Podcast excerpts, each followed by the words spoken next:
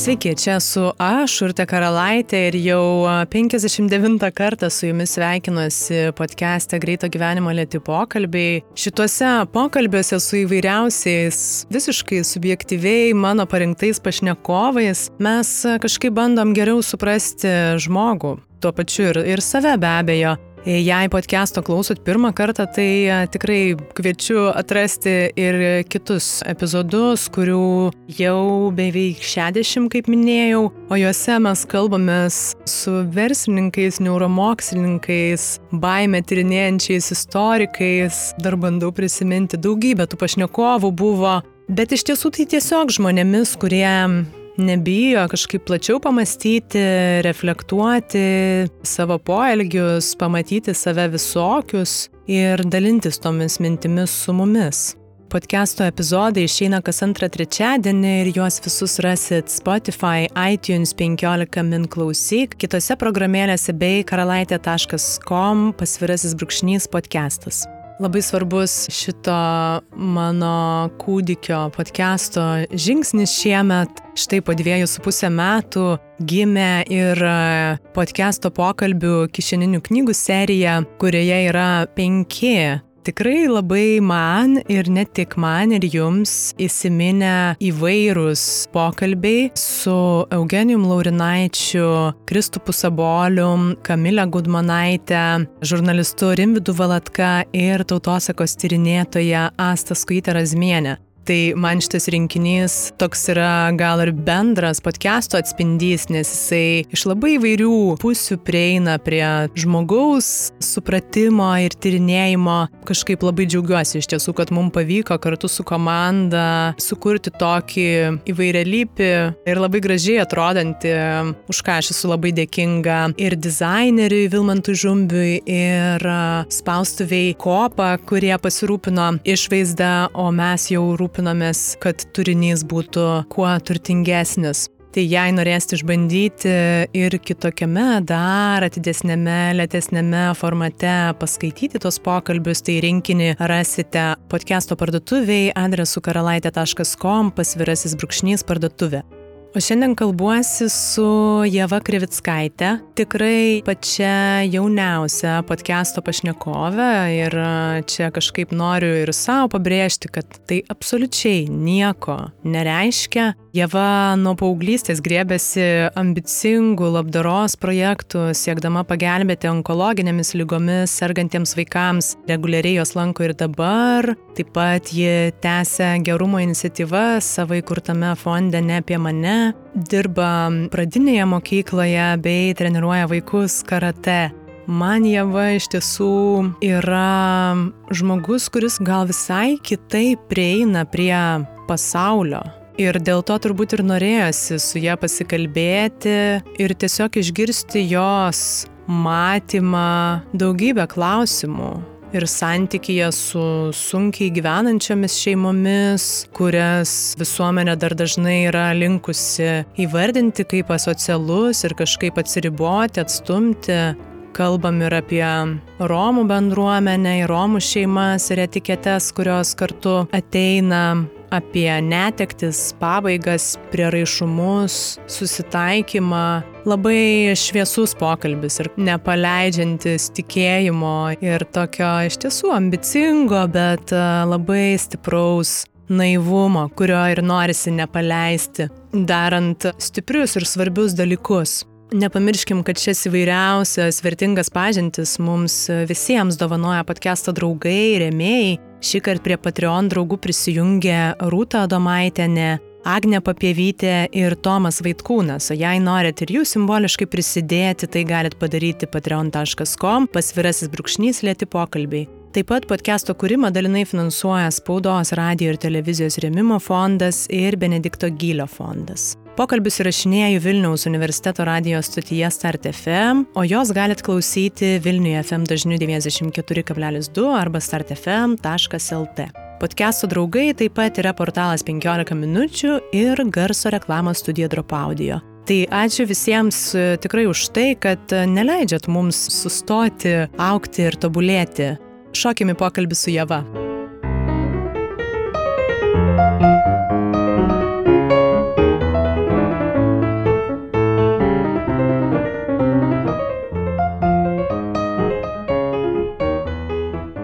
Pavargus? Ne. O tu treniruoji dabar irgi, ar ne? Jo, aš vedu treniruotės, bet jų yra gerokai mažiau ir jos vyksta jau, jau dabar visur online. Dar praeitą savaitę vedžiau gyvai, bet vienoje mokykloje dabar jau viskas visur per nuotolį, kas yra gan keista, nes karate toks sportas pilno kontakto. Labai jauti karantino pasiekmes pirmas karantinas man labai skiriasi nuo antro jausmo prasme, nes dabar aš nelabai jo aplamai jaučiu, kadangi mes padedam daugumai šeimų, kurios yra rizikos grupėse, tai yra sergantis vaikai, kur jiems šiaip reikia pagalbos visada, tai dabar jos reikia dar daugiau. Tai irgi to darbo, nu kaip darbo savanorystės, pagalbos prasme, tai jaučiasi, bet aplamai veiklos ir mano asmeniniam gyvenime atrodo, kad aš jau norėčiau taip ramesnio to karantino labiau, kaip buvo tas pirmas, kuris labai nepatiko ir kaip tik norėjosi eiti dirbti. O žiūrėk, tu mini, na dabar ir su jūsų fondu, tai tų veiklų ir vizitų tiek pas sergančius vaikus, tiek pas vat, sunkiai gyvenančias šeimas ar ne yra daug. Tu važinėjai pati, ar ne daug? Kodėl renkiesi tą, nei aš įsivaizduoju, na, daugybė turbūt alternatyvų yra ir rinkti savanorių komandas, na, tu esi ir fondo įkūrėja, ir, ir vadovė, bet tu renkiesi į tą pirmą eilę stoti ir važiuoti. Tai aš viena be savanorių niekada nenuvažiuoju, nes aš neturiu tokios galimybės. Aš nevairuoju, dažnai tos paramos mes vežam daug, tai vienam žmogui tai būtų ganėtinai sudėtinga, tai bet kokiu atveju tų rankų aš ieškau. Vilniuje mes padedam tokiom šeimom, kurios yra labai drąsios ir bendraujančios, tai yra daugiausia Romai, kurie nori eiti kontaktą, su kuriais užmėgsti ryšį nebuvo taip sunku, kai pradėjom jiems padėti ir gilintis į tai, kaip jie gyvena, su kokiais sunkumais jie susiduria bet sakykim plungiai kur kai kurios šeimos gyvena vienkiemiuose kur vaikai net į dienos centrą negali nueiti nes nu tai yra tiesiog per toli. Tris metus turbūt pirmus aš važiuodavau ir jausdavaus ten nelaukiama nors žinau kad tos pagalbos ten labai reikia bet šeimoms kažkaip būdavo nepatogu ir nemalonu ją priimti gal kažkiek gėda gal tų socialinių įgūdžių stoka. Tai aš važiuodavau pati, ar ten mano mama prašydavau, kad mane nuvežtų, ar mamos draugas, ar kažkas iš savanorių. Ir bandydavau labai nesėkmingai kurti tą santyki, kur dabar jau po tiek metų jie kviečia arbatos, nes jie žino, kad aš niekada jų nemokysiu, kaip reikia gyventi kad aš jiems patarsiu ir pasiūlysiu savo pagalbą, pasakysiu, kaip aš galvoju ir dažnai aš būnu griežta tam tikrais klausimais bendraujant su vaikų tėvais, apie jų elgesį kalbant ir pasirinkimus, bet aš niekada nesakau, kad aš atvažiuoju jų ten gelbėti ar kažkaip išmokyti, kaip čia teisingai gyventi, nes aš turbūt pati to nežinau iki galo. Tai kviesti savanorius ir vėl iš naujo kiekvienam mėgsti tą ryšį būtų turbūt labai sudėtinga. Mes randam visko nuvažiavę. Aš esu buvus atvažiavusi į šeimą, kur tėtis mane su kirviu pasitiko, nes jam atrodo, kad pagalbos jiems nereikia, o mama skambina, kad neturi ko išmaitinti vaiko būna atvažiuojam, randam girtus tėvelius, tai visai būna. Tu niekada negali kažkaip suplanuoti ar iš anksto susitarti, gali nuvažiuoti ir nieko nerasti. Tai turbūt žmonės savanorius nuvežimui rūbų ar maisto išleisti, reikėtų tam galbūt net ir ruoštis. Man atrodo, čia visai tokie atsakingi momentai, kur su patirtim ir su praktika aš jau jaučiuosi visai saugi važiuoti ir ką jau ten rasiu, kažkaip padėti, spręsti ar ieškoti būdų, kaip padėti. Dabar tu paminėjai keletą tokių, na, sudėtingesnių situacijų ir, ir, ir pradžioje sakai, kad tavęs ir nenorėdavo kažkaip įsileisti ir jau nekalbu apie tuos atvejus, kai su kirviu pasitinka. Kaip tu pradžioje reagavai, kodėl visgi ne, nežinau, neatsitraukiai, nes tavęs ten nenori? Nes už to tėčio su kirviu yra vaikas tai aš atvažiuoju padėti ne šeimai, nes suaugęs žmogus jis jau pats priima kažkokius sprendimus ir žinoma, mes bendraujam su tėvais, ne su visais, su tais, kurie nori ir kalbamės, turim ir gražių draugyščių, bet e, aš atvažiuoju padėti vaikui ir mes net ir sakom, kad padedam sergantiems ir skurstantiems vaikams. Tai visų pirma yra jis. Ir jeigu tėvai yra tokie, kad jie negeba kažkaip blogai jaučiasi priimti tą pagalbą, aš galiu jos nevežti pati, aš galiu atrasti būdų, kaip ta pagalba pasiektų vaiką. tai per mokyklą, per kažkokius darbuotojus, kurie prižiūri šeimą. Kada norim, atrandam būdų. Dažnai tokiuose šeimose, jeigu vaikai jau yra vyresni, tai ilgainiui bendrauti pradedam su pačiais vaikais tiesiog. Tuo pačiu įdomu, žinai, pastebėti ir tą tokį atstumimo momentą, na, tu sakai, kad va tą ryšį su šeimom ilgai mesgiai ir dėl kažkokių įvairiausių priežasčių pradžioj gal visai nenori tavęs įsileisti, bet tau nebaisu, kad tave atstumia? Nebaisu, nes tai ne apie mane čia labai svarbu yra kažkaip plačiai labai pamatyti visą situaciją. Ir dažnai aš stengiuosi labai komunikuoti ir su tais, vat, kaip ir minėjau, visais darbuotojais, pedagogais, socialiniais darbuotojais, kurie būna arčiau to šeimos, nes aš neturiu galimybės dažnai ten atvažiuoti ir žinoti, kaip tas vaikas elgesi mokykloje ar ten dienos centre, jeigu jį lanko, ar nu, koks jis yra iš esmės, kai aš nesu šalia man atrodo, kad labai svarbu yra plačiau pažiūrėti visą situaciją ir padėti šeimai suprasti, kad nieko tokio, jeigu reikia tos pagalbos. Ir gal jie yra įpratę nuo mažens, nes dauguma tėvų, kai paklausai jų istorijų, tai jie yra augę globos namuose arba augę su va, tokiais pat geriančiais, smurtaujančiais tėvais ir tai yra iš kartos į kartą.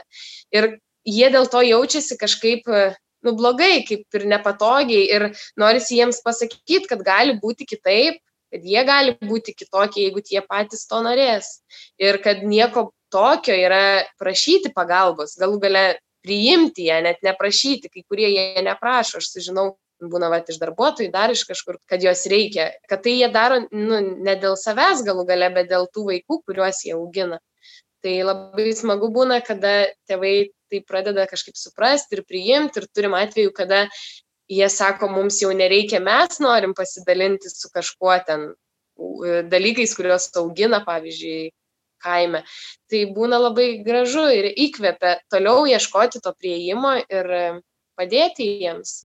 Kaip manai, kodėl šitos šeimos, na jeigu va taip konkrečiau apie tokias socialinių įgūdžių stokojančias šeimas kalbant, kodėl, na šiuo atveju be tavo, be jūsų organizacijos įsitraukimo neįvyksta va tie pokyčiai, ko iš esmės trūksta ten, nes aš suprantu, čia ne tik materialinė pagalba ir ne tik drabužiai ir ne tik maistas.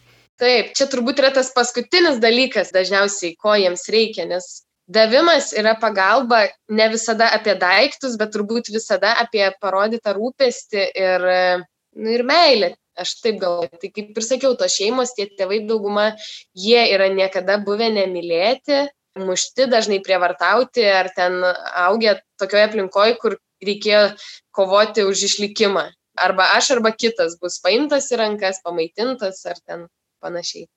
Tai aš galvoju, kad viskas nuo to prasideda ir apie tai, ir kad to labiausiai ir reikia jiems. Mes stengiamės tai suteikti, kiek tai yra įmanoma.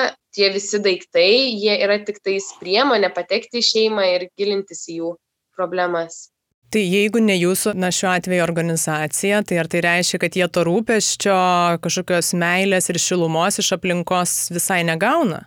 Tik kažkurie gauna. Aš negaliu sakyti, kad visai net, taigi vaikai eina į, į mokyklas, kaip bebūtų, į darželius, kažkaip man norisi tikėti, nes tikrai ne visų žinau ir tas mokyklas, ir mokytojus, ir kaip jiems ten sekasi, ir kaip jais ten pasirūpina, bet man atrodo, kad tų žmonių, kurie atvirom širdim gal priima ypatingai vaikus, su tėvais ten gal kitaip yra, bet vaikus tai jų tikrai yra, tik tais kiek tie vaikai sugeba irgi taip priimti ir prisileisti, nes turbūt reikia labai daug kantrybės. Dažnai vaikai tokiuose šeimose būna pikti, jie būna agresyvūs, jie būna e, hiperaktyvūs, kartais e, specialiai blogai beselgintis. Tai labai norisi linkėti tokiem vaikam, nes didžiąją laiko dalį jie praleidžia mokyklose, vis tiek nu, visi vaikai, linkėti mokytojų, kurie būtų supratingi ir kažkaip mokytų ne tik skaityti ir skaičiuoti, bet ir to gyvenimo kad jis gali būti kitoks ir kad jis gerokai didesnis nei e, jų namai, kad jis nesibaigia ties ta tvora, kur nebūtinai visą saugu, šilta ir gera. Bet čia galima pagalvoti ir apie tėvus. Na, be abejo, kad vaikai e, išeina galbūt iš savo aplinkų ir vat, noris tikėti, kad mokyklose visokių žmonių sutinka ir pamato tos įvairovės. Bet e, galvojant apie tėvus, kurie irgi galbūt panašiai užaugo ir tos meilės ir šilumos tokoja ir kaip tu sakai, ir dabar jos galbūt negauna ir jie sunkiai ir prisileidžia. Ir gauti jiems sunkiau. Taip, ir tai tie tėvai yra tie patys vaikai, tik jie užaugę. Ir mes e, dažnai praeinam pro juos ir labai lengvai nuteisiam ir pykstam ir nepasigilinę ir kažkaip vat, nepamatę viso to vaizdo, nes tai labai sudėtinga iš tikrųjų. Kai ten tėtis sugeba įmesti vaiką į šulinį, kuris sako, kad, nu, aš myliu tą vaiką, bet jis rėkia, nu, tai įmečiau, ką man daryti. Tai jis tai daro, nes jis iš tikrųjų nežino, ką daryti. Ir jį greičiausiai taip kažkas mokė kažkada. Ir mes tada teisiam tą tėtį, kur vietoj to, kad kažkaip bandytume ištaisyti tą situaciją, kad daugiau tų vaikų tam šulinį neatsidurtų. Tai yra labai ilgi ir sudėtingi procesai ir šitie žmonės dažnai jie net ir nenori keistis. Yra kas nori, bet nepavyksta, turim atvejį net ir dabar šiuo metu tarp globojamų vaikų, kur berniukas paauglys auga su tėčiu ir ten nėra nei labai didelio skurdo, nėra nei labai didelio kažkokio alkoholizmo ar smurto net, bet porą kartų per metus tas tėtis auklėjimo tikslais tą vaiką vis kažkaip nuskriaudžia. Vaikų teisės jį atima, tada būna sprendžiama, kaip čia toliau daryti, ar čia tinkamos sąlygos, vaikas auga pas laikinus globėjus laikinai, galų gale pastėti vaiką gražina, nes ten kaip ir vaikų namų kaip ir nebėra, namie situacija aukti yra tinkama, sąlygos visos yra. Tas tėtis tą vaiką irgi myli, bet vat, jis taip supranta, kad vat, taip jį užaugino su diržu ir kad aš su diržu užauginsiu. Geras bus darbininkas, vaikas tikrai geras, gerai elgėsi irgi kiek tai įmanoma augant irgi tokioje aplinkoje. Nu ir tada supranti, kad kaip tokiam tėčiui padėti, irgi pagalbos kažkokios jie nenori. Kai pasako darbuotojai, kad tą vaiką iš jo sūnų atims, jis sutinka eiti kursus va, e, apie tėvystę, apie viską, ką skiria savivaldybė, bet kažkokio rezultato nu, jo nėra. Tikėtis belieka, kad jis gal, gal bus. Ir, ir prižiūrėti, aišku, tą šeimą, tą vaiką. Kaip tu įsivaizduoji visuomenę, bendruomenę, žmonės, va, aplink gyvenantis ar bendrai, kuo galėtų prisidėti va, tokiuose situacijose? Netiesiogiai kažką duoti, duoti, bet kaip manai, kas galėtų keisti tai iš mūsų pusės? Aš turiu labai daug visokių jausmų apie šitas šeimas, ypatingai kai ten va, per kalėdas aš aplankau jų būna per kūčių dieną apie 70-60 vaikų ir iš vieno skurdo vienokio į kitą skurdą visai tą kitokį ir tiek aplinka, kurioje jie auga, jį būna tokia dažnai šokiruojanti, tiek galbūt tas tėvų visas įgūdžių neturėjimas. Ir man kartais atrodo, toks būna beviltiškumo jausmas, kad nu, nepasikeis tai. Bet tada aš suvokiu, kad tokių žmonių šalia mūsų jų yra išties visai nemažai, ypatingai mažesniuose miesteliuose ir, ir irgi ir dažnai, vad, kaimynai, mes tie, kurie esam šalia, esam linkę ne, nebendradarbiauti, nepalaikyti, neieškoti gal kažkokių būdų, kaip padėti tai šeimai santykio to kūrimu, o kažkaip atsiriboti irgi nematyti, pykti. Tai turbūt didžiausias tas indėlis ir, ir yra, kai mes pastebim ir gal kalbamės, bandom kalbėti su tai žmonėm. Aš nežinau, čia turbūt labai individualus su kiekviena šeima. Yra tikrai tokių, kuriems gal ir, gal ir negalim padėti, gal ir nereikia. Bet aš sutinku su tavimi iš tiesų, kad pirma reakcija dažnai aplinkinių žmonių yra atsiriboti ir nusisukti nes mums nepatinka, kaip jie kažką daro, kaip jie gyvena, kokie jie yra, nesvarbu ar tai skurdo, ar, ar priklausomybių problemos. Iš kitos pusės, e, nusisukdami, mes ir atimam iš tų žmonių kaip ir galimybę matyti kitokius pavyzdžius. Aš kartais galvoju, kad vien tai, kad mes nesikalbame ir labai atsiribojam ir įrėminam tą grupę žmonių, na, tai jau nekalbu apie tai, kad ir etiketės yra ir dabar mes kalbam apie sunkiai gyvenančias šeimas, ar ne, tai jau yra kažkokia dėžutė. Tai va taip įrėmindami juos, atitolindami juos nuo mūsų, mes jiems irgi ne, nesuteikiam kažkokių tai galimybių ir, ir variantų bandyti keistis, net jeigu norėtų. nepakanka per televiziją turbūt pamatyti gražių filmų su gražiom šeimom. Jo, aš kaip, kaip ir minėjau, kad jie niekada dažniausiai yra nematę, kaip kitaip. Ir tos etiketės jos yra. Ir ypatingai, va, minėjau prieš tai Romus, kuriems mes irgi, kiek jau galim, padedam. Ir vienai šeimai praeitą mėnesį vežiau į namus, kur surenka drėgmę. Žodžiu, atsirado ant sienos pelėsis. Mama pasakė labai nedrasiai apie tą pelėsį, kai vežėm vaikam maistą. Trijų nedidelių kambarių būte gyvena iš viso dešimt žmonių, septyni vaikai ir trys suaugę. Ir ta mama sako, mes nebetelpam, nes vienam kambarį yra pelėsis ir vaikai ten negali miegoti, kur šiaip tam kambarį mes paguldom keturis. Tai natūralu, kad jie netelpa. Aš pradėjau domėtis, kalbėti su ta mama, pažiūrėjau tą kambarį ir tikrai ten labai daug to pelėsio ir tikrai yra kažkokių būdų, kaip jiems turbūt padėti. Ir sako, mes jau trys metai su to pelėsiu gyvenam kiekvieną žiemos pradžioj, va taip nutinka. Būstas yra socialinis. Kai mes skambinam ir prašom kažkokios pagalbos arba leidimo kažką daryti ten sienai pačiai, tai visi sako, kad čia, nu tai čia Romai, jau vėl ieško būdų, kaip pasipelnyti. Jau čia vos ne patys tą pelėsį ant sienos užsidėjo, kad tik savo naudos kažkokios. Ir man tada taip liūdna, nes ta mama tikrai taip nuoširdžiai rūpinasi tai savo vaikais, jau kaip jiems ten pavyksta, taip, tie vaikai beproto aktyvus. Man žavu net vien žiūrėti, kaip išbūti ten tarp jų tiek ir tokių gyvų mes nuvalėm tą sieną turbūt per valandą su chemikalais ir atvežus tą aparatą, iš, va, po mėnesio laiko jau jis sako, to pelėsio jie neturi. Tai atrodo, tiek mažai reikia, bet tokį ilgą kelią jie reikėjo nueiti, kad kažkas padėtų, galų gale lietuvių ta kalba yra jiems sudėtinga, ne visą informaciją gali patys kažkur rasti. Ir jeigu vieną kartą jie prašė pagalbos, jiems tai pasakė, antrą kartą, turbūt trečią kartą jie jau ir nebeprašo arba tai daro labai nedrasiai. Tai atsiribodami mes priverčiam ilgainiui ir juos atsiriboti. Ir ne tik apie pagalbos prašymą, bet ir apie kažkokius kitus svarbius dalykus. Tas labai liūdina. Norėčiau išgirsti tuos žmonės, kažkaip nepažiūrėti į tai kaip nesvarbu, nors, nu, kad ir koks atrodytų nesvarbus tas dalykas ar mažas, norėtųsi jo nepraeiti ir nepalikti.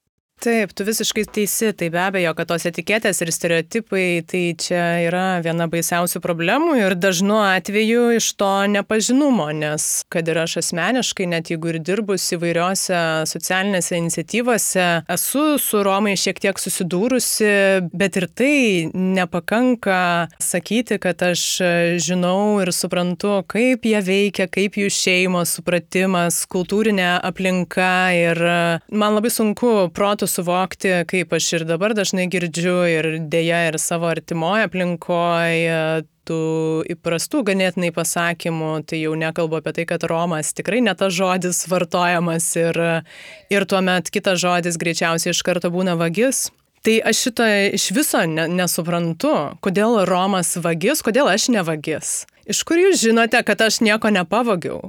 Aš su tuo susidūriau akis į akį ir man buvo irgi labai ir baisu, ir skaudu, ir aš nežinojau, kad taip vyksta, bet kažkaip vat, supratau, kad tokia yra realybė, kai pirmais metais, kai pradėjom bendrauti su šitom šeimom, jiems daiktų dažnai nereikia, nes jie gyvena mažose namuose, jų būna labai daug ir tų daiktų, dovanų, žaislų, rūbų jų tiesiog nėra kur dėti. Ir jie tai patys supranta ir mes visi tai suprantam.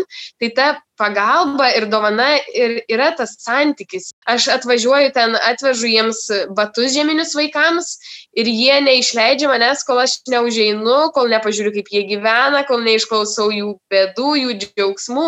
Jiems labai svarbu yra tas santykis ir tai, kad jie stengiasi tai daryti lietuviškai, nes aš nekalbu nei rusų kalba, jo labiau romų.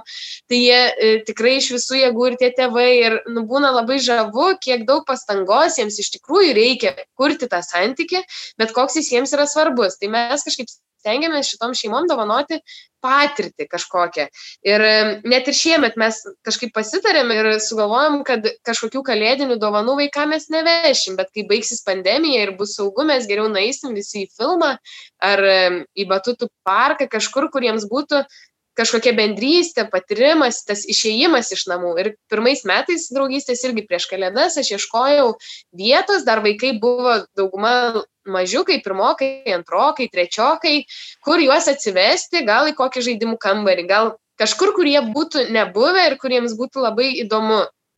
Ir net keletą vietų pasakius, kad tai bus Romų vaikai, jie nebegalėjo mūsų priimti. Jie nepasakė, kad dėl to. Bet prieš tai mes jau buvom susitarę ir niekada to nebuvo buvę, kai aš sakydavau, kad aš atsivežu va iš plungės vaik, autobusą vaikų ir mes ieškom, kur praleisti laiko.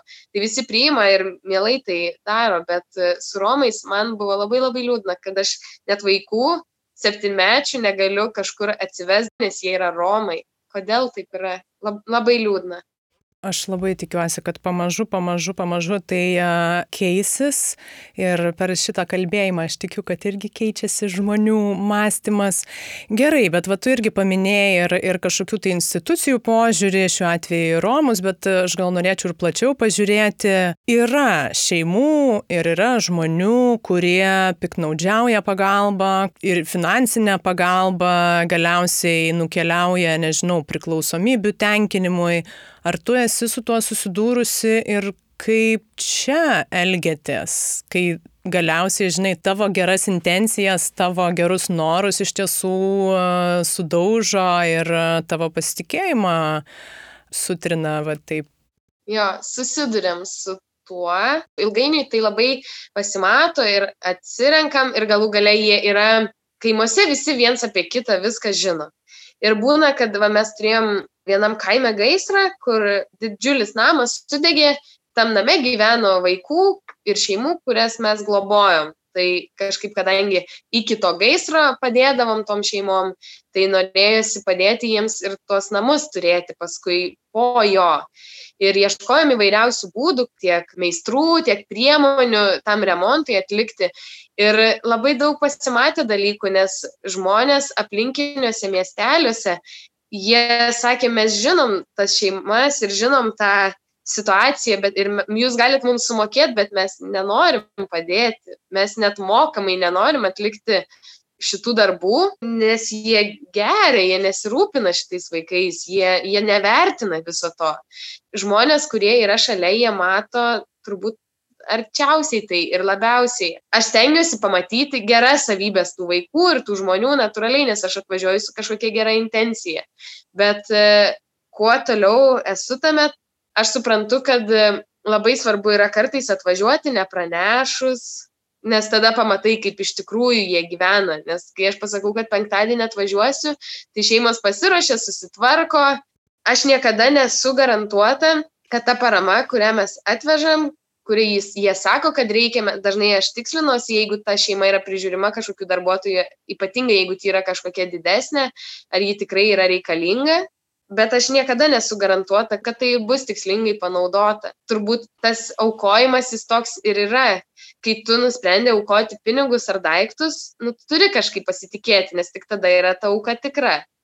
Tas, kuris priima, jau jo atsakomybė yra, kuris ją panaudos. Aš galvoju, kad gyvenimas yra labai teisingas ir visi mes vienai par kitaip gaunam tą atpildą. Ir jeigu tas žmogus, kai jam iš tikrųjų nereikia, jis prašo ir kažkaip naudojasi, virš viso to slypi labai didžiulis skausmas ir liūdėsys. Nes kai aš esu pilna savęs ir laiminga ir kažkaip gerai besijaučianti, man nenorisi gauti nieko iš niekur daugiau ar kažkaip meluoti. Tai tos šeimos, jeigu taip elgesi, jos tai daro iš nežmoniško skausmo ir iš nemokėjimo kažkaip kitaip daryti. Tai irgi aš nesulinkus iškart pasakyti, kad mes nepadėsim ar kažkaip, bet mes ieškom kompromisų, ieškom, kodėl jiems to dabar reikia. Gal jie gali patys tai gauti, užsidirbti ar, nu, kažkaip. Tai dažniausiai irgi per santyki, per pokalbį ir pinigais nepadedam niekada, žmonės tikrai būna, kad nuvilia ir tavo pasitikėjimą sudaužo, kas visgi jį išlaiko, pasitikėjimą kitais ir kitu. Dažniausiai vat, visos šitos situacijos tokios, jos yra iš tėvų, bet aš važiuoju pas vaiką ir vat, tas vaikas ir yra viso ko ašis.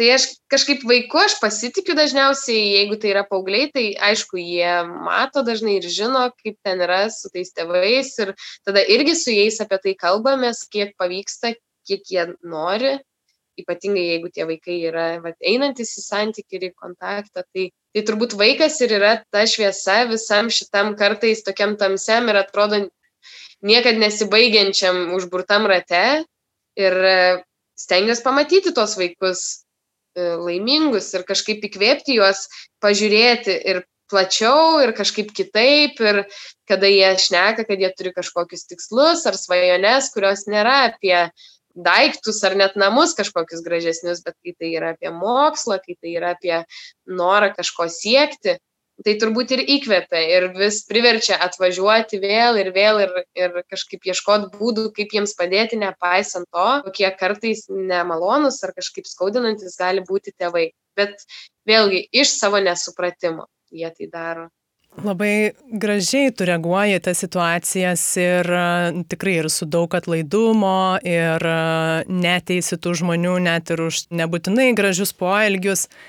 Visgi norisi pagalvoti apie įvairesnės emocijas, ko negali atleisti arba kas tave tikrai supykdo. Tuose šeimose ar Na, bendrai gal, žinai, gal ir ne konkrečiai, o bendrai, vad, kokių poelgių iš kitų žmonių, nu, jauti, vad, patiri tą, kad sunkiai atleidė ar kas tikrai pykdo.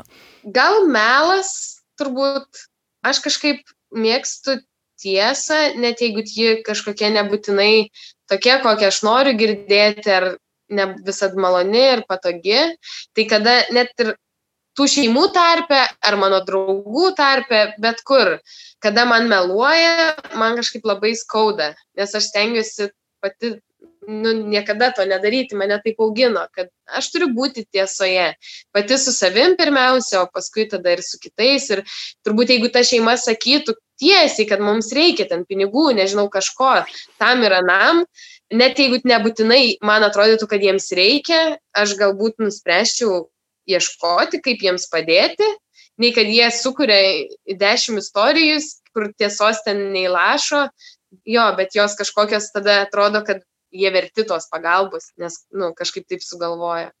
Tiesa man yra labai didelė vertybė, bet kad kažko negalėčiau atleisti, aš nežinau, man gyvenime gal nenutiko tokio dalyko, kur aš jau visai negalėčiau atleisti. Man atrodo, kad aš išbūnu tame, išbūnu tose jausmuose ir gal ten pyktyje, nusivylimė, liudesy, kažkaip leidžiu savo būti tam, bet turbūt kai paleidi, tai galų gale ateina ir tas atleidimas. Ir stengiuosi labai suprasti tam tikrų veiksmų priežastingumą.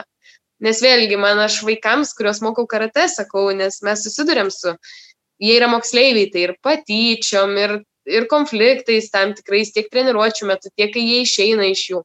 Ir aš kažkaip noriu jiems pasakyti tai, kad kada man diena yra gera, kai aš atsikeliu ir būnu laiminga, kai man nieko neskauda, kai man nieko netrūksta, aš niekada nenoriu nuskriausti kito. Nu, kai man viskas gerai, tai man tiesiog viskas gerai, aš gyvenu ir džiaugiuosi. Bet kada aš esu nepailsėjusi, neišmiegojusi, kai man kažkaip negera yra dėl kažko, tada ir tą žodį kažkokį negražų aš galiu pasakyti iš nuovargio arba pykčio ir užgauti kitą ir sužeisti galbūt.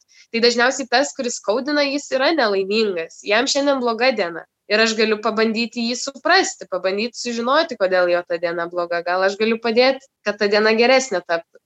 Kažkaip kalbėdama tai su vaikais, ieškodama kažkokių pavyzdžių ir būdų jiems tai pasakyti, atrandu ir pasaugusius tai, kai mums viskas gerai, tai mums netrukdo kitas ir mes nenorim kažkaip netinkamais elgtis. Paminėjai keletą va, tų sunkesnių emocijų, su kuriuom tau sunkiausia būti? Nežinau, aš turiu tokią keistą baimę suklysti. Aš kažkaip, kai kalbu su žmonėm apie tai, man atrodo, kad visi mes turim tą kažkokią baimę susimauti, bet aš ją atradau ruoždamasi karate varžyboms Ir labai daug varžybų aš ruoždavaus ir nesudalyvaudavau, kur skirdavau labai daug tam laiko ir, ir tada pradėjau galvoti, kodėl taip nutinka. Ar aš bijau, kad man skaudės, kad man bus sunku, kodėl aš negaliu visgi eiti ir sukovoti, kam aš ruošiuosi ten kelis mėnesius. Kai aš pradėjau labai apie tai būti ir ieškoti būdų, kaip išsigryninti šitą jausmą, aš supratau, kad aš tiesiog bijau kažkaip susimauti. Bet aš net ne, negaliu, va šiandien net dar įvardinti, apie ką yra ta tokia baime. Tai čia yra turbūt sunkiausias jausmas, nes aš manau, kad gyvenime mes nepadarom daug dalykų, va iš to, to jausmo vedami, kurie galbūt būtų labai smagus ir praturtinantis mums gyvenimą. Kad čia turbūt va šitas jausmas yra tas, kuris man yra labai sunkus, bet aš labai esu taip pasiryžus kažkaip su juo susigyventi ar pakeisti jį gal kažkuo. Nes tikrai, vat, minėtas situacijas, kad ta baime susimauti, jinai kartais užkerta kelią bandymams, o nebandydami mes negalim pajudėti kažkur. Tu pamini dabar varžybas, tai reiškia, kad tu ruoždamasi kažkokiam varžybom, tu galiausiai tiesiog atsitraukdavai pati, nesudalyvaudavai. Jo, esu buvusi porą kartų, nusprendusi dalyvauti ir, ir galų galę, nu, tai neįvykdavo. O dabar paskutinės, tu minėjai, kad ir lapkritį liktai va dabar turėjo būti. Turėjom. Sudalyvavau jau, bet irgi turbūt iki va tos varžybos vyko šeštadienį, tai dar ketvirtadienį nebuvau tikra, ar aš nepabėgsiu. Bet labai nuostabę trenerę turiu dabar šiuo metu, kažkaip jį mane labai palaiko mano pasirinkimuose ir lydi mane į, vat, net ir tose baimėse link mano kažkokių svajonių, tai tas labai padeda. Tai kaip šitos varžybos pavyko? Gerai pavyko, aš e, užėmiau trečią vietą pralaimėjusi abi kovas, buvom mes labai nedaug mano amžiaus kategorijoje. Tai buvo labai labai graži patirtis, mano sveikata yra tokia, kur nebūtinai visada man leidžia dalyvauti va, tokiuose varžybose ir kažkaip gydytojai leidžia ir mano mokytoja leidžia, bet aplinka, kuri yra aplink mane, iš meilės ir noro apsaugoti pergyvena ir atneša turbūt man tą pergyvenimą. Ir aš tada pati pradedu galvoti, ar aš čia tikrai galiu, ką man čia to reikia, gal čia man nereikia, nu, tokių daug. Ir tai yra nuo vaikystės turbūt, nes aš turiu ir cukrinį diabetą, ir įvairių komplikacijų jo. Tai man sekėsi labai gerai, nepaisant visų mano negalavimų šiokių tokių. Ir e, labai didžiuojasi, kad aš sudalyvavau ir tikiuosi dar tų progų bus. Aš irgi džiaugiuosi, kad tau pavyko, tai bet žiūrėk, tada įdomu, na, jeigu tu sakai prieš tai, kad galbūt e, baiminaisi susimauti, ką visgi tai reiškia? Na, šiuo atveju pirmos vietos tu neužėmėjai, bet, bet lyg ir ne, nesakai, kad susimoviai. Ne, nes aš sukovau jau tikrai kaip galėjau geriausiai, jau čia nuo manęs nepriklausė tas, nes čia toks mūsų sportas, kur visada yra ir varžovas. Ir kažkuriam tą dieną vat, yra skirta turbūt laimėti aš džiaugiuosi, nes aš neturiu jokių traumų, aš nusiginiau visus smūgius, kuriuos pergyvenau, kad galbūt aš nenusiginsiu kovos metu. Ir, ir viskas buvo labai gerai. Buvo labai graži patirtis. Man atrodo, kad dabar jau būtų drąsiau net. Jau taip nebijočiau susimauti. Nes aš suprantu, kad tas susimovimas, jis vis tiek dažniausiai, nu, jeigu mes kalbam apie varžybas, tai rūpi mano, dažniausiai man, mano treneriai ir dar gal keliem artimiem žmonėm, kurie mane myli. Tai kadangi jie mane myli, net jeigu aš ten ir susimaučiau, jie vis tiek mane mylės. Tai nu, niekaip nepakeisgi jų santykio į mane. Kai supranti, kad tai visgi rūpi gal labiausiai tik tau pačiam, tai tada su savim pačiu ir dirbi šio klausimu. Ir kad, nu tikrai, aš nežinau, kas turėtų nutikti, kad kažkaip tai pakeistų mane iš kaip mane pačią ar žmonių požiūrį į mane. Aš turbūt visada palaikyčiau. Galvoju, tą, ką myliu, aš visada palaikau. Tai tikiuosi, kad į mane taip pat žmonės reaguoja. Tai be abejo, tikrai, na, čia visada tas pats klausimas kyla, žinai, ką reiškia susimauti, ir susimaunam visi įvairiausiose žingsniuose, kaip ir varžybose. Na, varžybos tam tikrą prasme, žinai, galima vis tiek žiūrėti kaip į žaidimą, bet uh, žmonės susimauna labai labai uh, smarkiai ir tai sugebam vieni kitiems um, atleisti. Tai čia turbūt svarbu ir, ir savo už kažkokias mažas klaidas sugebėti atleisti ir kažkaip nereikalauti, ar ne, kad tobulai viskas būtų. Tai esu tikra, kad va, tie procesai tau ir padės. Daug mes čia visko apkalbėjom, aš noriu dar truputį į tokį pusiau grįžti tai, apie ką mes kalbėjome apie šeimas ir daug tavo veiklų ir yra skirtos kitiem žmonėm, dėmesys kitiem, duoti kitiem ir pagalbą ir, ir dėmesį. Kaip tau pačiai yra prašyti pagalbos ir ar tai moki ir ar moki imti iš kitų žmonių? Aš galvoju, kad moku, taip man atrodo. Tam, kad tu galėtum duoti, berots jau gal ir sakiau, tu turi būti pats pilnas. Tai aš labai stengiuosi pildyti tą savo širdį gerų patirčių, gerų dalykų, žmonių, su kuriais man gera būti, nes tada ta širdis jinai gali būti duodanti ir e, nuo to netampa kažkokia skurdesnė. taip kaip man gera padėti kitam, aš visada tikiuosi, kad kitam irgi yra gera. Tai aš mielai suteikiu tokią galimybę ir priimu, jeigu man kažkas nori kažką duoti, bet kokiom formom. Vienaip ar kitaip viskas mums sugrįžta. Tai yra didžiulė dovana. Nu, taip veikia pasaulis, taip yra. Man dar įdomu pažiūrėti, tu ir esi minėjusi, kad e, tau gera vienai ir kad moki save palaikyti. 16 beros atvažiavai viena į Vilnių ar ne gyventi, mokytis, tokie irgi ganėtinai drąsūs žingsniai. Kada visgi tau prireikia kito žmogaus? Turbūt visiems svarbu mums mokytis, save palaikyti ir pasirūpinti savimi, bet uh, įdomu, žinai, kiek mes iš tiesų galim absoliučiai vieni pavaryti. Man atrodo, kad man labai reikia kito žmogaus. Aš kaip ir minėjau, mano darbas ir visos veiklos jos tiesiogiai labai susijusios su žmonėmis. Tai natūralu, kad kai aš grįžtu po darbo mokykloje, darbo treniruotėse, ten aplankius vaikus ligoniai namo, tai aš jau nenoriu nieko, tik tais viena pabūti ramiai. Bet e, man gera, aš pailsiu su žmonėm jeigu aš būnu tarp daug žmonių, būnu tokia tylesnė, ramesnė, mėgstu kalbėti, kai turiu ką pasakyti. Tai man padeda kažkaip, net ir būnant tarp žmonių, pailsėti ir aš nesu, kad mėgčiau būti viena, bet aš galiu būti. Nes man atrodo, kad aš turiu labai daug patirčių, kur vienu metu aš netekau dėl vaikų lygos, galbūt vat, savo tam tikrų draugų. Ir einant laikui aš supratau, kad nepaisant to, kad to žmogaus nėra šalia, kad aš jo negaliu paliesti, meilė tai nedingo.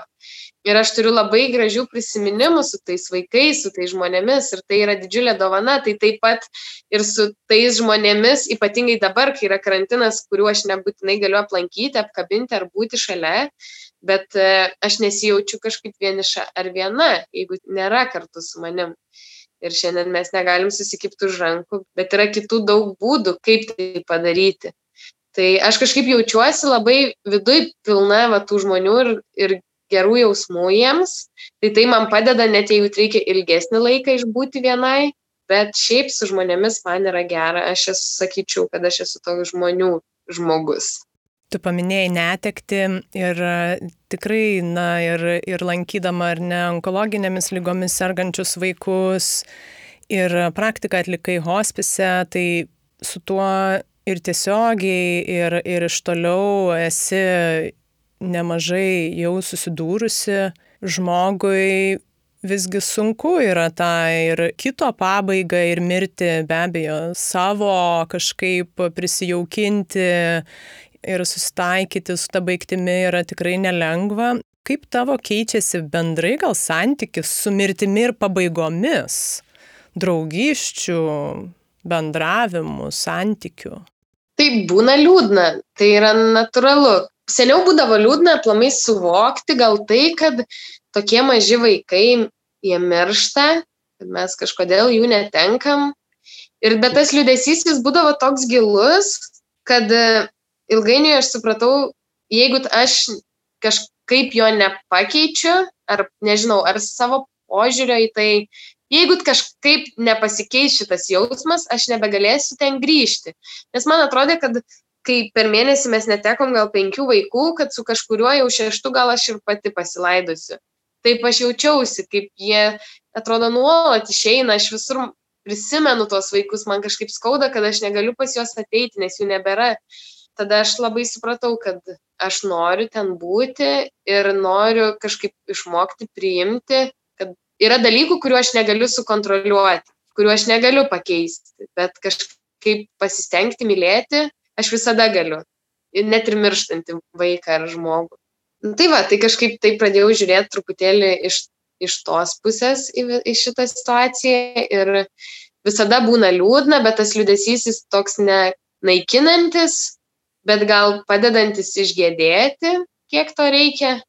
Irgi visada kažkaip bandau suprasti, kad tas vaikas sirgo ir jis dažnai miršta būdamas dideliai kančio ir tikiu, kad ties tą mirtim viskas nesibaigia. Gal tas tikėjimas man irgi padeda. Kai kurie vaikai man prieš mirtį yra sakę labai gražių dalykų, tai atrodo, kad tie, kurie yra pajėgus kažkaip suprasti, kas vyksta, jie išeina su labai geru jausmu. Tas nuramina, o kai myli, tai svarbiausia, kad tam, kurį myli, ir būtų gera.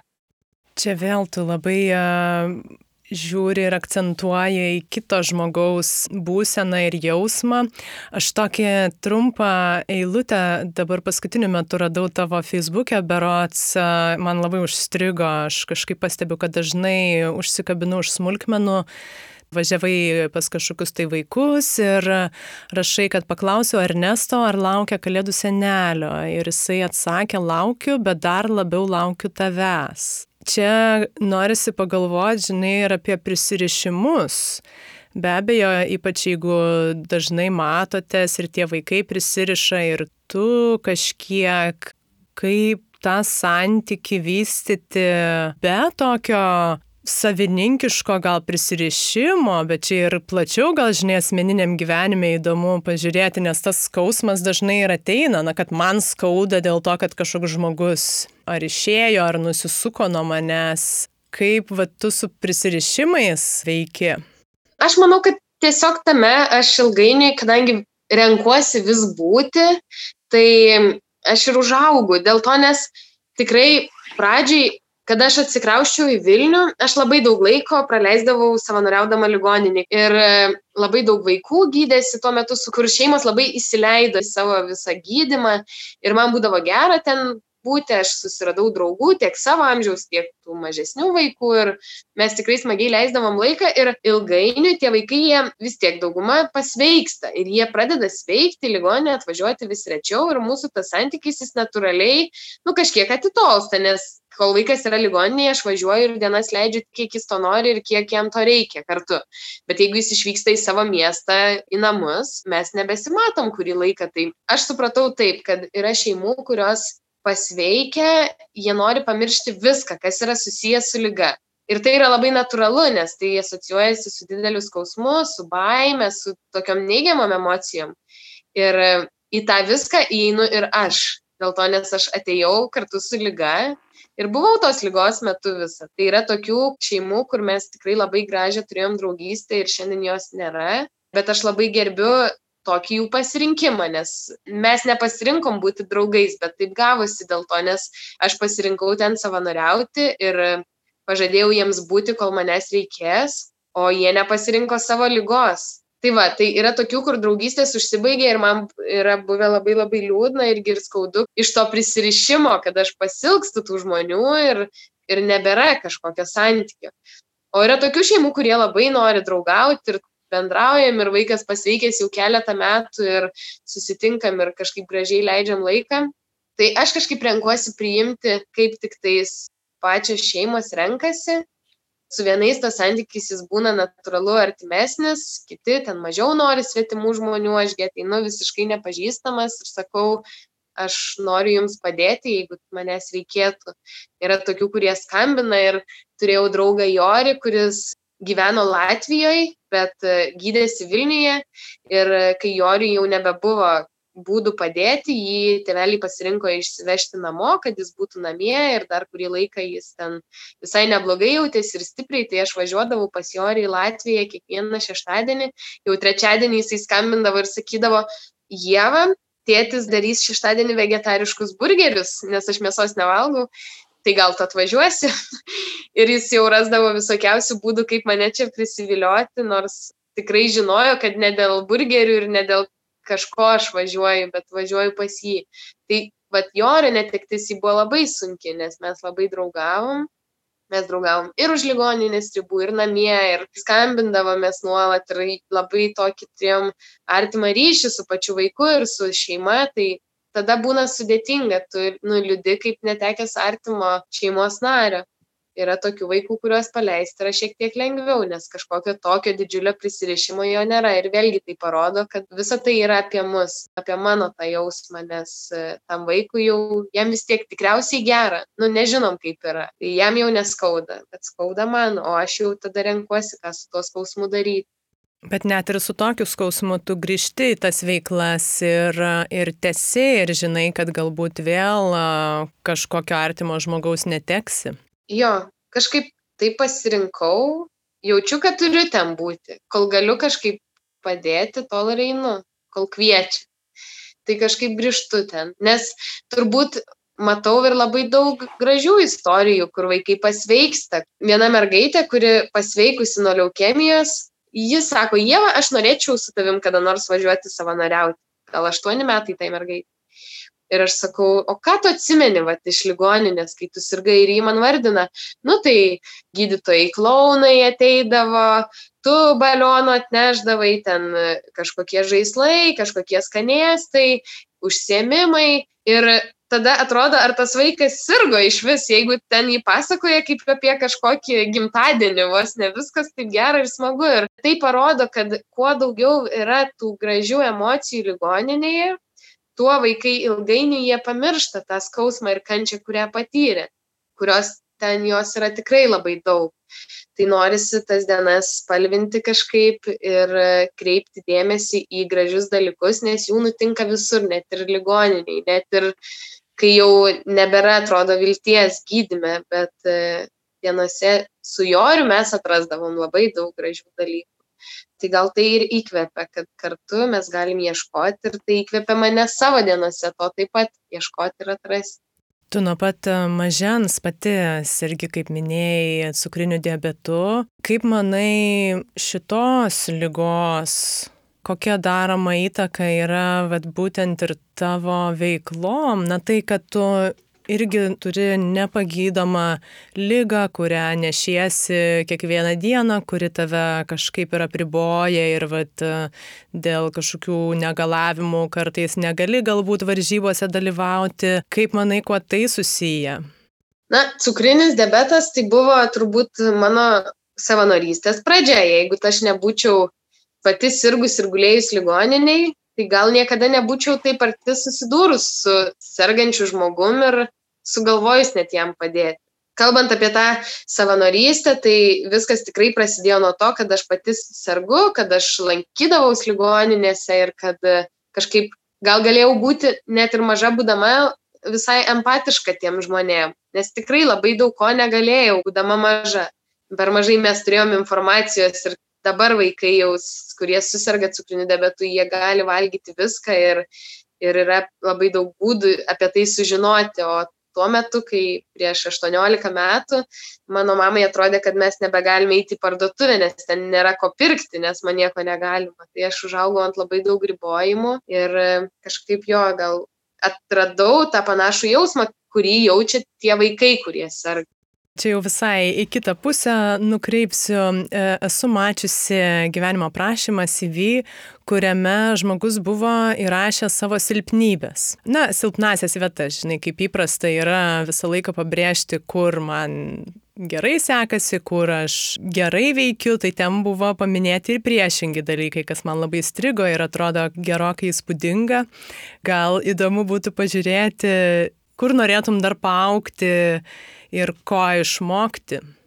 Aš galvoju, kad kiekviena silpnybė, pažiūrėjus iš kitos pusės, tampa stiprybė. Aš turiu tokių savybių savo, kur kartais tai yra mano silpnybė, bet kartais gyvenime ir labai praverčia. Tai aš tokia esu, pavyzdžiui, man patinka viską labai suplanuoti, ožeragiškai.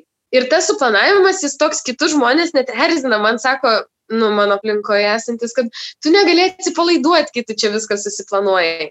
Bet tai, kad aš suplanuoju, tai man nekelia jokios įtampos. Man tai kaip tik atneša kažkokį atsipalaidavimą.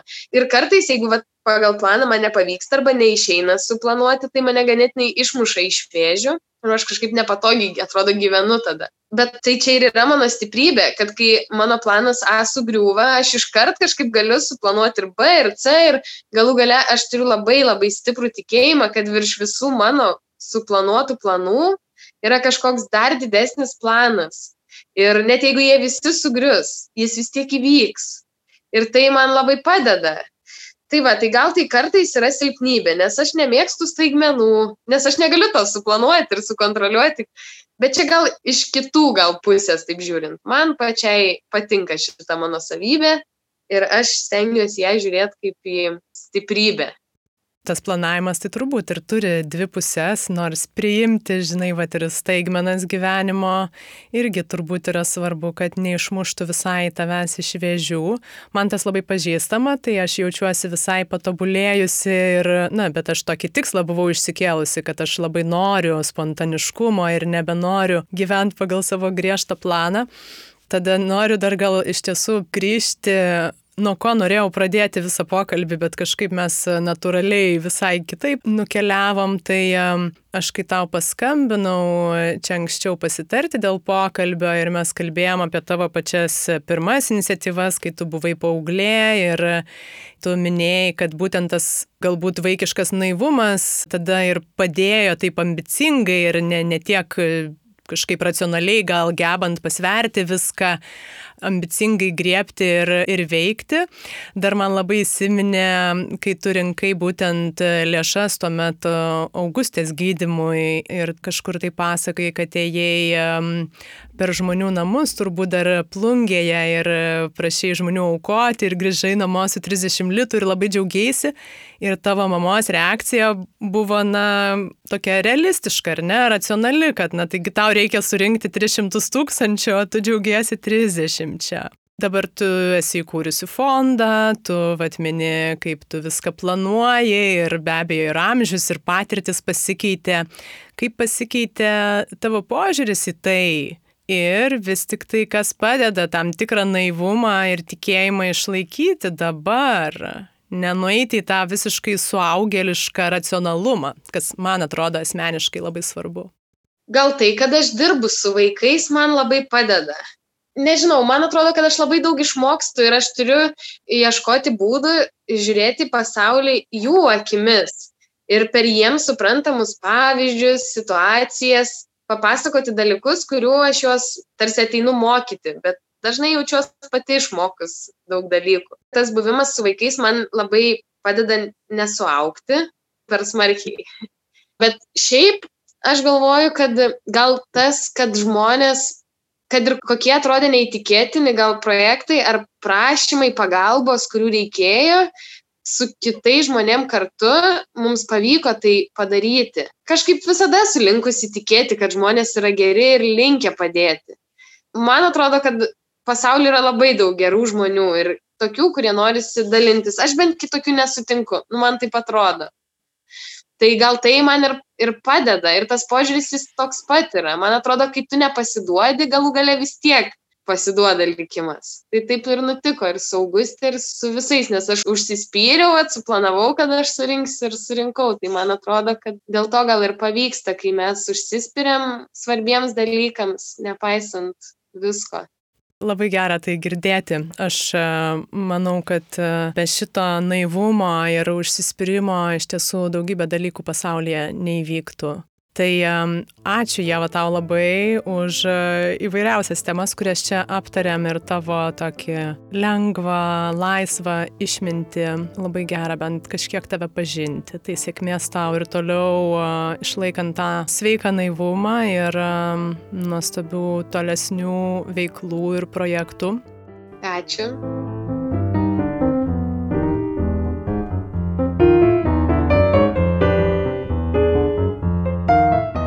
Ačiū Jums, kad klausėt, net nebejoju, kad išklausėt iki galo, nes man pačiai tai buvo vienas iš tų pokalbių, kurių nesinorėjo pabaigti ir tų temų dar su Java atrodo būtų galima tiek ir tiek išvinioti. Tai esu tikra, kad norėsiu su Java dar susitikti ir tiek temas, tiek galbūt ir kažkokius bendrus darbus tęsti. Dabar tik po pokalbio tai jaučiu tokį didžiulį šviesos pliūpsnį ir tuo pačiu spyrį nepamesti to naivumo ir tikėjimo, kad ir kaip kitaip mums bandytų sakyti tas racionalusis protas.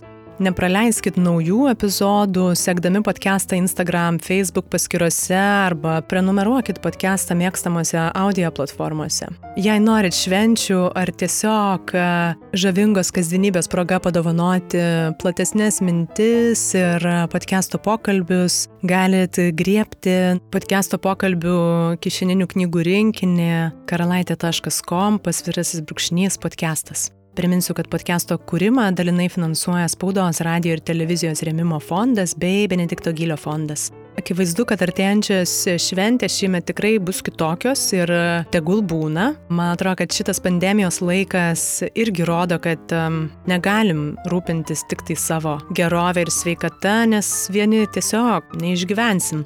Nepamirškim rūpintis vieni kitais. Saugokim, Šventė nebūtinai vyksta tik tas kelias dienas per metus ir tikrai nebūtinai prie bendro stalo. Tai ieškokim būdų švęsti kasdien ir tiesiog viduje. Tada, kaip ir Jėva sako, dalintis tą šviesą bus žymiai lengviau. Bendrai turbūt aplinkoje jausis tvyranti šiluma ir šviesa. Su jumis jau 59 kartą podcastas Greito gyvenimo lėti pokalbiai. Ir aš kiekvieną kartą turbūt vis kitokia, bet vis dar neprarandanti tikėjimo ir naivumo Urte Karalaitė. Iki kitų kartų kitais metais.